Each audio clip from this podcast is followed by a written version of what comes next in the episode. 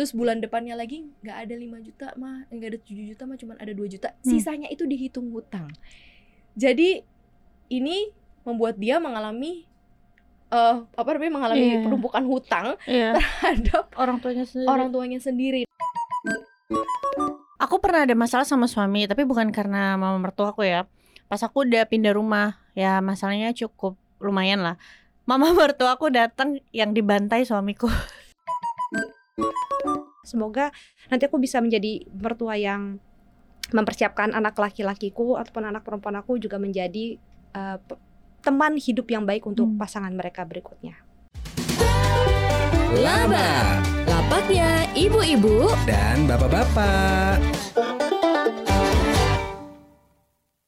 Hai Sobat Cuan apa kabar? Selamat datang di podcast Cuap Cuap Cuan Hari ini ada tiga ibu-ibu yang siap menemani Sobat Cuan dalam konten Laba, lapaknya ibu-ibu dan bapak-bapak Bareng Mhm. Maria Katarina dan juga ibu Inta, Dan ibu Olivia. pastinya ya Kita ibu-ibu yang sudah siap ngobrol dan surprisingly Jadi Mhm. kemarin tuh kita ngobrol-ngobrol sama anak-anak uh, Cuap Cuan Konten Laba tuh banyak banget peminatnya Mhm. gitu Jadi banyak banget yang seneng obrolan-obrolan receh yang relate banget sama Mhm. kehidupannya mereka Kayak ya ngerumpi ya. kayak ngerumpi gitu jadi kayak eh gila lo gue tim Olive ternyata oh gue Hmm. tim Inta gitu ternyata ya. ibu-ibu tuh pengen ada tempat untuk menyalurkan juga ya Mm-mm. pikirannya selama ini ada juga Salah, nih yang sama eh, kayak aku gitu ya. Hmm, iyalah kan karena Jangan kita- dipendam sendirian. jangan dipendam sendirian ya jadi makanya thank you banget yang udah dengerin konten Hmm. laba kita ya versi ibu-ibu maupun juga versi bapak-bapak nah sekarang kita akan mm, ke kontennya ibu-ibu nih ke labanya ibu-ibu apa sih hari ini yang akan kita angkat sudah siap guys Seperti Sudah. bisa surprise By ya. the way, disclaimer Surprise. kita nggak tahu sama sekali yang ada di bawah ini ya. jadi ini surprise jadi kita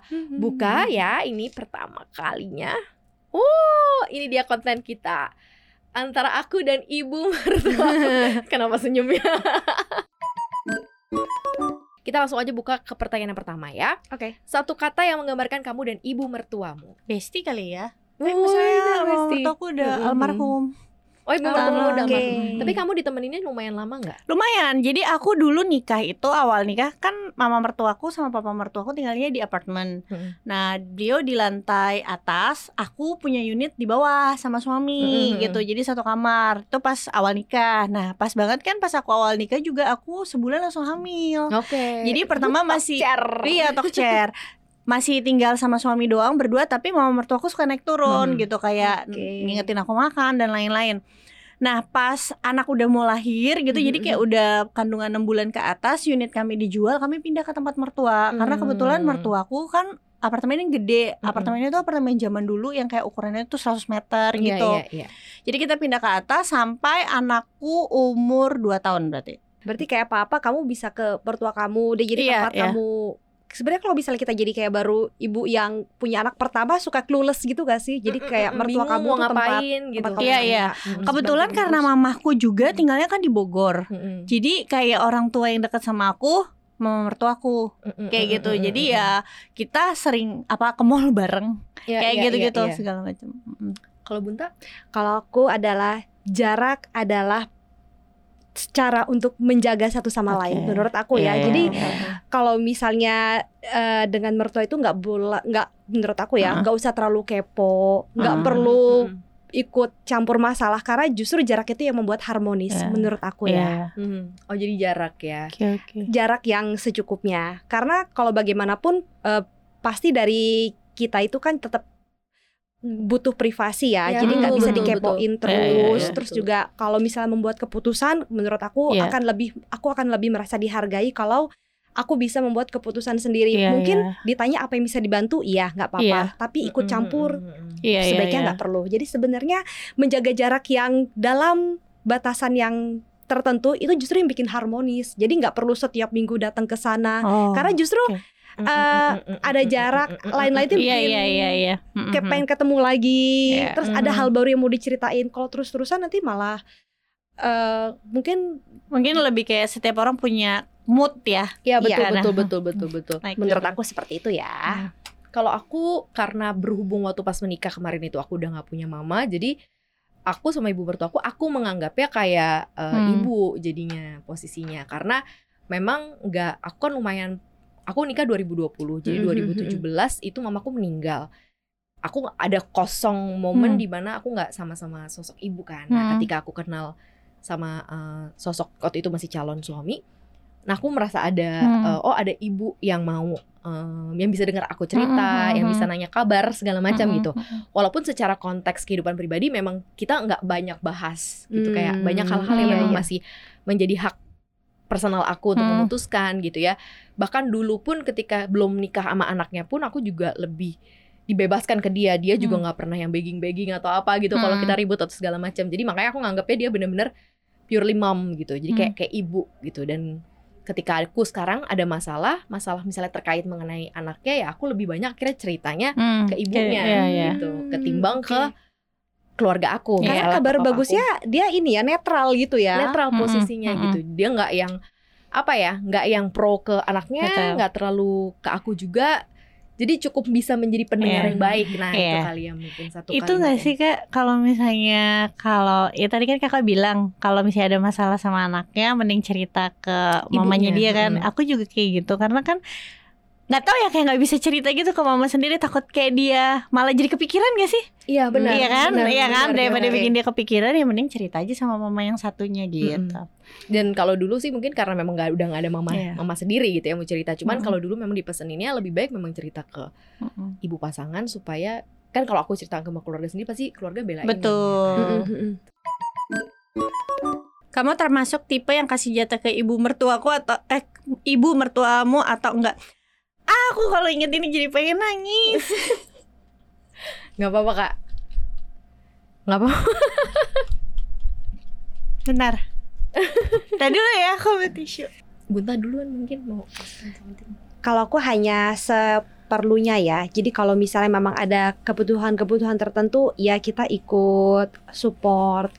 Kalau misalnya kayak makan bareng-bareng atau lagi ada acara mau lebaran, karena kan kalau lebaran tuh eh, kebetulan orang tuanya suami aku itu eh, papa mertua aku tuh anak pertama di keluarga besarnya. Jadi pada suka ngumpul di situ. Nah, biasanya kita kayak support karena pasti mereka akan jadi tempat buat ngumpul gitu. Mm-mm. Jadi bantu-bantu masak atau apa kayak gitu. Jadi nggak selalu bukan hal yang rutin, tapi kalau ada kita tahu nih lagi ada kebutuhan-kebutuhan tertentu yang lebih, kita akan eh, ikut bantu kayak gitu. Jadi kenapa aku pengen nangis gara-gara kan dulu waktu pas aku masih ibu rumah tangga tinggal sama mama, mama mertuaku. Mama mertuaku tuh kan di apartemen dia suka sewain apartemen atau misalnya jual. Terus kalau dia kayak habis jual apartemen atau sewain apartemen gitu kan dapat komisi. Dia tuh kayak selalu kasih aku gitu. Oh my god. Iya. iya, iya, iya, kayak iya. buat kamu jajan karena dia Hmm. tahu aku maksudnya ya dari anaknya dikasih tapi misalnya buat kamu shopping kayak gitu lah. Tadi tar Mm, mm, mm. Bahkan dia ini iya, nggak iya. sih kak? Jadi lebih sayang kamu Ke bisa kamu bilang ya. lebih sayang kamu Iya. daripada anaknya Anaknya ya. Hmm. pas aku kerja kak karena kan anak dia kan punya anak dua Mm, mm. anaknya tuh dua-duanya berkarir cewek baik cewek dan cowok gitu menantunya juga berkarir yang Mm-mm. satu nah pas aku kerja dia tuh kayak seneng banget gitu ya selain mamaku dia orang yang paling seneng gitu lihat aku Berkarir gitu Iya. ya. nah kan mama mertua aku tuh meninggal pas banget aku baru satu bulan kerja di sini kak Mm, mm, mm. Jadi ya sebenarnya aku udah dapet income kan dari sebelum Mm-mm. itu. Udah suka ngasih dia juga gitu ya. Aku gantian tuh kasih dia buat belanja, tapi as yang bener-bener kayak gaji bulanan itu kan dari sini. Nah, pas aku habis gajian pertama aku tuh kasih dia karena mamaku kan udah nggak ada duluan tahun 2021. Beliau tapi mama mertuaku ini lagi sakit. Sakitnya kan dua minggu, cepet banget tapi habis itu meninggal. Nah di sela-sela sakit dua minggu itu pas aku kasih dia uang jajan, aku kan ngomong ke dia maksudnya aku semangatin, Mm. cepet sembuh, biar bisa jajan. Mm, mm. Pas di rumah sakit dia ternyata cerita sama semua orang yang kayak Jenguk Datang dia. gitu iya. termasuk anak-anaknya bilang kayak kayak Olive aku aku di Oke, oke. aku oke. disuruh cepet sembuh Heeh. karena Olive gajian kasih aku uang. Oh, iya. Oke oke. Jadi emang kadang hal-hal yang kayak gitu ada ceritanya masing-masing ya kak ya dan memang cukup membekas ya. Mama udah happy kok di surga. Iya. Kita nggak Bangga Ini karena masih Iya. baru banget ya. Iya, iya, Sorry. iya, iya. kalau aku nggak termasuk yang selalu kasih rutin sih se seadanya gitu kalau pas lagi ada gitu. Tapi kalau misalnya kayak occasion tertentu kayak ulang tahun gitu misalnya acara-acara besar Natal gitu aku biasanya memang nyempetin untuk beliin gift gitu ke ibu mertua. Bukan cuma ibu mertua aja sih maksudnya ke semua keluarga dekat gitu. Karena eh ya sebagai bentuk terima kasih. Dan Mhm. kebetulan juga ibu mertua aku orangnya nggak terlalu yang kepengenan gitu Hmm. tipikalnya. Jadi ya ya udah gitu yang penting kamu dan hidup kamu baik-baik aja gitu udah udah cukup buat mama jadi kayak nggak dengar berita buruk dengarnya berita baik ya udah lebih baik gitu sih Oke, apakah kamu cukup terbuka atau tidak dengan ibu mertuamu? Kalau aku jujur nggak terlalu terbuka, jadi aku hanya mungkin mau ngasih tahu yang baik-baik aja ya. Kadang-kadang aku pernah sih, misalnya kayak eh, curhat gitu tentang anaknya kayak gini, tapi kelihatannya dia lebih pro ke anaknya sendiri. Ya wajar. Jadi- ya, ya, ah, dia kan mengandungnya 9 bulan ya. Ya, tapi eh, tapi mungkin aku akhirnya setelah aku punya anak laki-laki kan anak pertamaku adalah anak laki-laki ternyata emang cinta pertamaku tuh adalah Anak iya, dia. iya, iya. Langsung ngerasain ya. iya akhirnya aku Ah, kayak bener, oke bener. iya iya iya, aku akhirnya paham sih jadi tapi maksud aku juga akhirnya kan aku bisa memposisikan diri sendiri Hmm. ya jadi tahu diri juga Eh, tadi ternyata memang ada hal-hal yang perlu dikasih jarak supaya hubungan tetap harmonis kayak gitu jadi aku Hmm. harus bisa memposisikan diri aku nggak seterbuka itu jujur Hmm. mungkin kak Maria aku juga sama sih kayak Inta cuman yang lucu itu gini hmm, karena aku kan nggak mau cerita hal-hal yang buruk-buruk jadi ceritanya yang yang baik-baik gitu tapi mungkin ini kayak the power of uh, connection kita Mhm. kali ya nanti dia yang tanya hmm. jadi kayak tiba-tiba aja WhatsApp gitu kayak kamu baik-baik aja kan kak gitu Oh, untuk Iya, pertanyaan iya. yang netral ya, bukan pertanyaan yang kepo gitu. Ah. ya gak sih? jadi kayak kayak misalnya gini kayak contohnya kita padahal baik-baik aja aku sama Mhm. suamiku baik-baik aja gitu tapi mungkin kita ada satu dua hal yang kita lagi pikirin terus di- mereka main nih ke rumah gitu kan udah pulang seperti biasa terus besoknya eh, WhatsApp gitu bisa WhatsApp bilang kayak kamu berdua lagi ada apa sih? Padahal kita Hmm. kita tidak memperlihatkan situasi tertentu menurut kita ya. Hmm. kamu berdua ada apa sih kalau lagi bingung cerita sama mama? Mungkin mau bisa bantu atau bisa menenangkan atau apa yang kayak gitu-gitu. Jadi kadang kayak ka- pertanyaan-pertanyaan itu membuat aku berpikir bahwa oh gue ada yang merhatiin gitu. Karena semenjak mamaku nggak ada aku berpikir bahwa oke ya udah gitu. Gue kayak harus berdiri di atas kaki gue sendiri dan ya udah running life karena aku bener-bener ketika mama papaku divorce kan aku hidup sama mamaku sampai mamaku nggak Hmm. ada. Jadi begitu mamaku nggak ada tuh kayak udah kayak gue nggak punya siapa-siapa lagi. Nah hadirnya sosok ibu mertua aku yang sekarang nggak tahu mungkin kayak kebaikan Tuhan juga kayak ngingetin lagi oh lo ada seseorang yang masih nanyain kabar gitu. Hmm. tapi Aku Kak, terbuka, gue jadi ikutan Ini sendiri. kenapa ini ya? Apa kalau bahas orang tua kayak gimana gitu ya? Iya, kita iya. jadi sendu banget episode kali ini.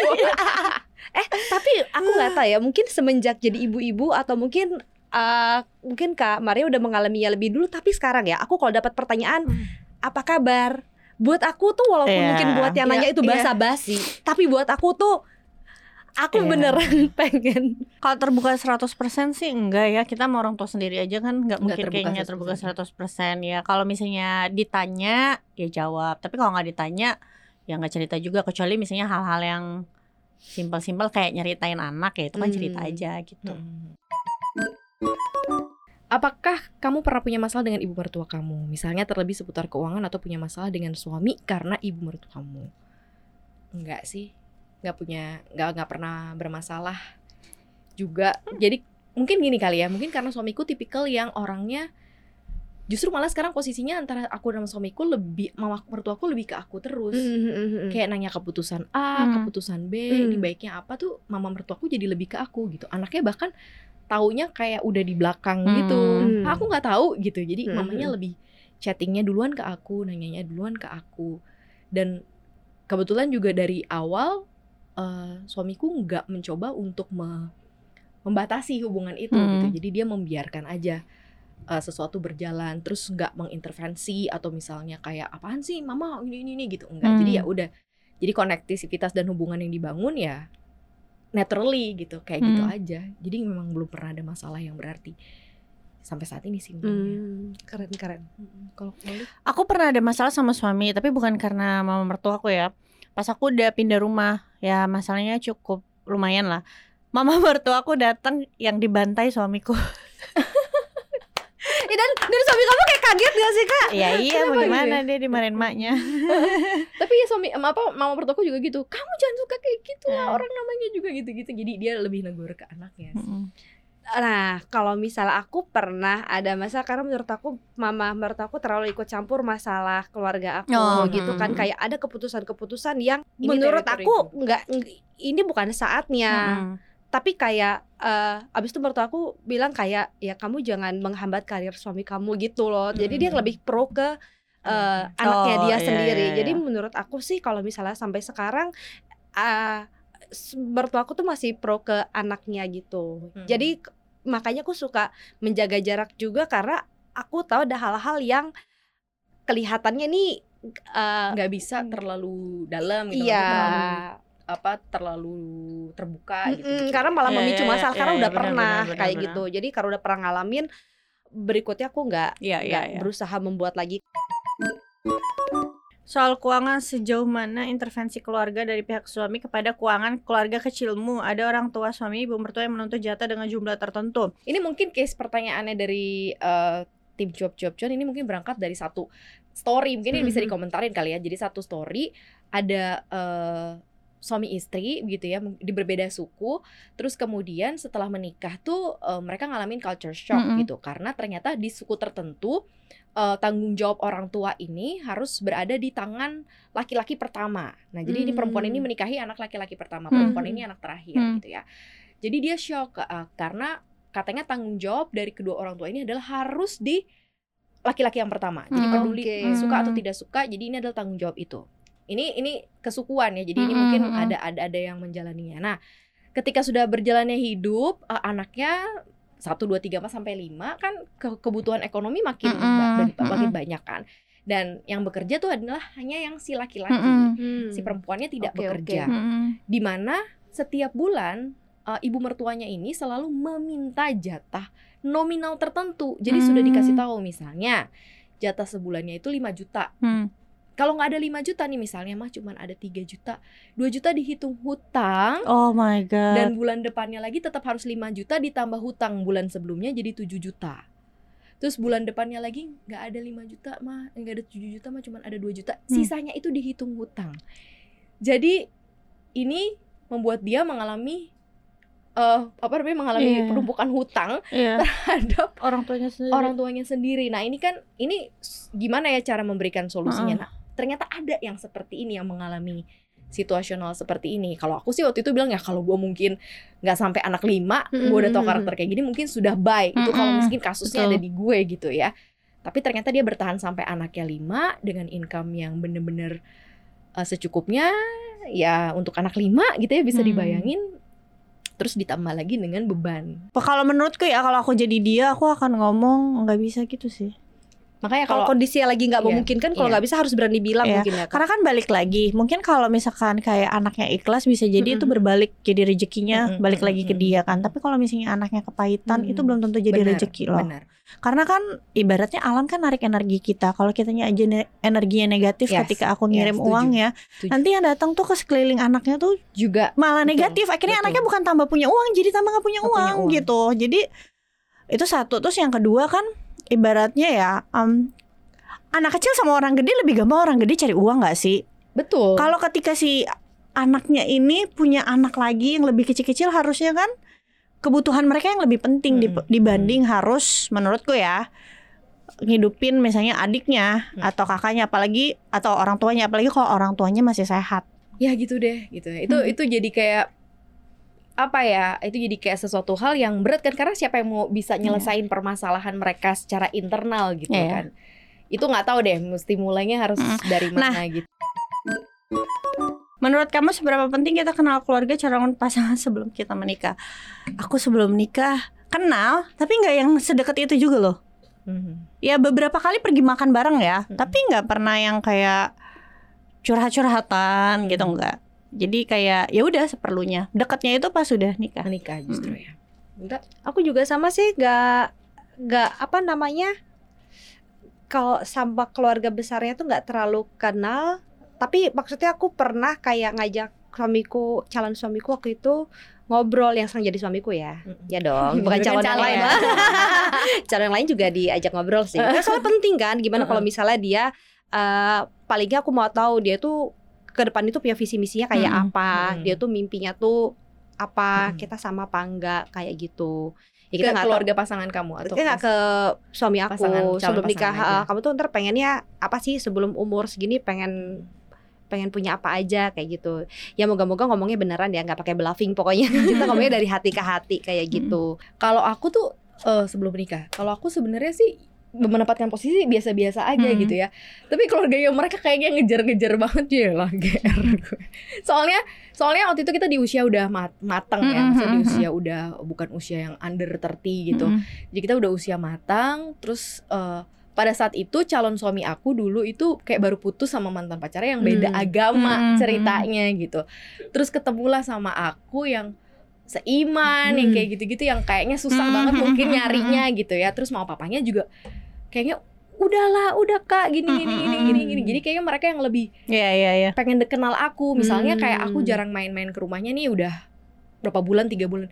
Maria mana aku nggak pernah main ke sini. Jadi aku yang ditanyain suruh main ke sana gitu. Terus tapi terus bukan misalnya- tapi bukan investasi bukan investigasi keuangan kan. bukan bukan bukan. Cuma kenal pribadi aja kenal kan. pribadi Oh, aja iya. gitu. Tapi memang selama aku misal diajak jalan sama keluarga eh, pasangan aku, calon pasangan aku pada waktu itu ya mereka yang kayak Mm. ngetrit sih, "Cek, papa mertua aku lah yang bayar gitu-gitu. Misalnya janjian nih ke sini, ayo makan bareng-bareng gitu. Ya papa Hmm. mertua aku yang memang sengaja kayak bikin occasional itu buat ketemuan, buat ngobrol gitu.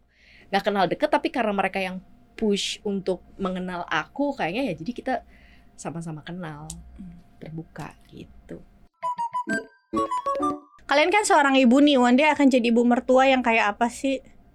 Ya namanya kalau ini ya, kalau anak yang masih kecil, ya kan kita kan pengennya so wise aja kan, ya Iya sih. pengennya yang bebas. Tapi nanti pas anaknya udah gede ya belum tahu ya namanya kan feeling ya, nggak bisa dikontrol. Ya tapi ya pengennya kan jadi ibu mertua yang wise lah. Ya kayak ibu mertuaku lah ngebebasin anaknya, tapi aku nggak tahu nanti pas anakku udah gede gimana. Apalagi Iya, bener. anakku yang cowok, anak cowok satu-satunya gitu. Kalau yang Mm, mm, cewek kan lebih ya udahlah dia ngikutin suami gitu kan nggak tahu nanti feelingnya gimana namanya juga dari kecil kita ngurusin dia kan Bener, bener, gitu Ibu entah Nah, kalau aku ya karena tahu kalau misalnya dikepoin, diikut Hmm. campurin urusannya itu kayak kesel Ah, ya. ah, ah. Karena bagaimanapun Hmm. tidak boleh ada dua matahari. betul betul betul betul. dalam satu keluarga gak bisa banget. Ya s- berharap sih nggak jadi mertua yang kepo dan suka mencampuri urusan ya. Karena Mm. kan keputusan ada di keluarga anak-anakku Mm-mm. nanti.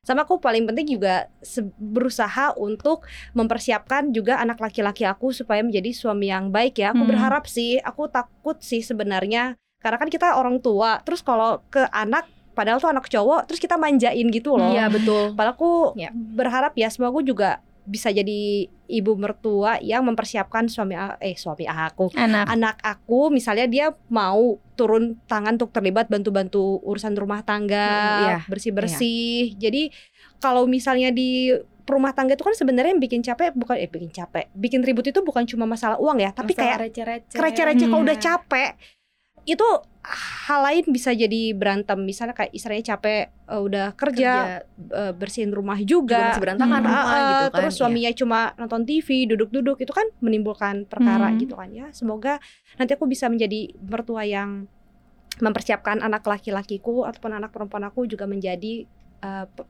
teman hidup yang baik untuk Hmm. pasangan mereka berikutnya Kayak sama gitu. sih kayaknya. Tapi aku belajar banyak banget sih sama ibu mertuaku sih. Ibu mertuaku sekarang kan uh, menantunya baru dua, jadi baru aku sama aku punya adik ipar gitu Hmm. ya.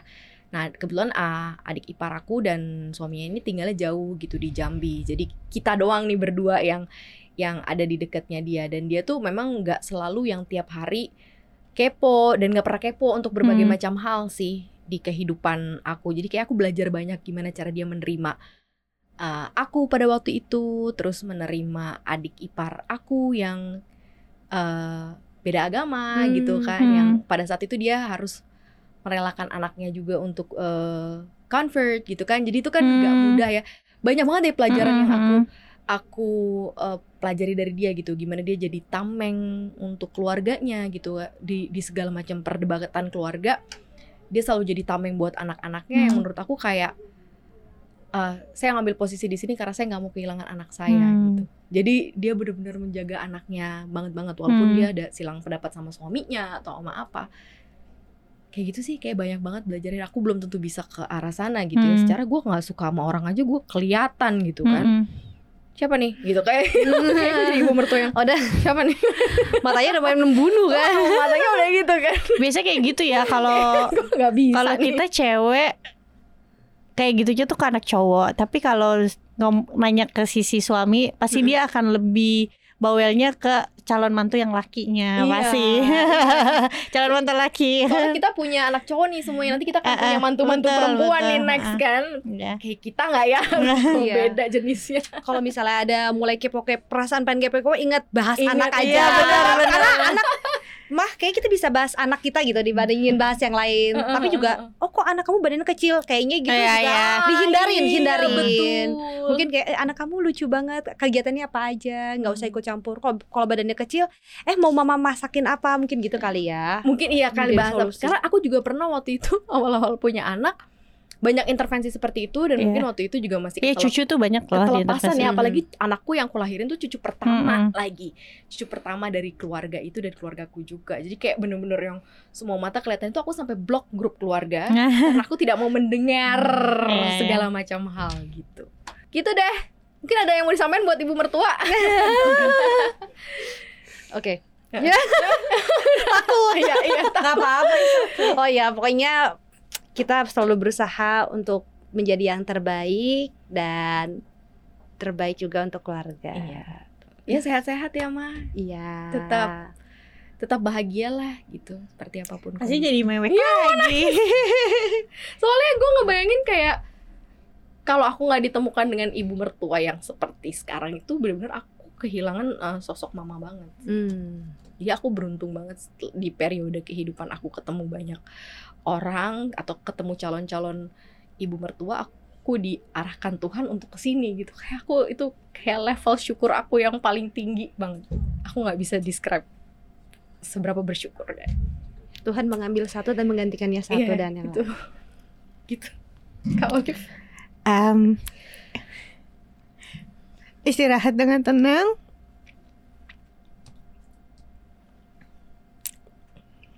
Aku sama Peter pasti bisa sampai kayak mama sama papa. Amin. Kita nggak ada maksud Bisa. untuk mengharu biru, tapi memang kisah-kisah yang seperti ini mungkin Sobat Cuan juga alami ya. Seperti apa pun relasinya, hubungannya, komunikasinya ya. Ya kita nikmatilah perjalanannya gitu kan. Mungkin ada yang kurang serak, mungkin ada yang sejalan. Ya udah, ya namanya juga hidup ya. Hmm. Emang harus kayak gitu. Apa pun itu mungkin masih bisa untuk dikomunikasikan, dibicarakan. Yang jelas Sobat Cuan gak sendiri karena kita pun juga punya relasi dan hubungan yang berbeda-beda, kisah yang berbeda-beda, cerita yang juga berbeda-beda yang bisa melengkapi ceritanya Sobat Cuan juga. Kamu tim mana nih? Tim Inta, tim Maria atau timnya Olive gitu ya. Mudah-mudahan kita bisa selalu kuat ya dan sayangi juga eh, apa yang jadi milik kamu sekarang, apa pun itu. ya. Syukuri. Syukuri ya pastinya. Terima kasih sudah dengerin obrolan laba hari ini. Jangan lupa Ya. dengerin konten podcast kita lainnya di Google Podcast, Spotify, Anchor dan juga eh, jangan lupa untuk subscribe YouTube channel kita di Cuap Cuap Cuan dan juga eh, di Like, share, follow komen. Instagram. Udah ngeblank follow Instagram kita di @cuap underscore cuan ya. Happy happy terus sobat cuan kita bertiga pamit. Bye bye. Bye. Dadah sobat cuan.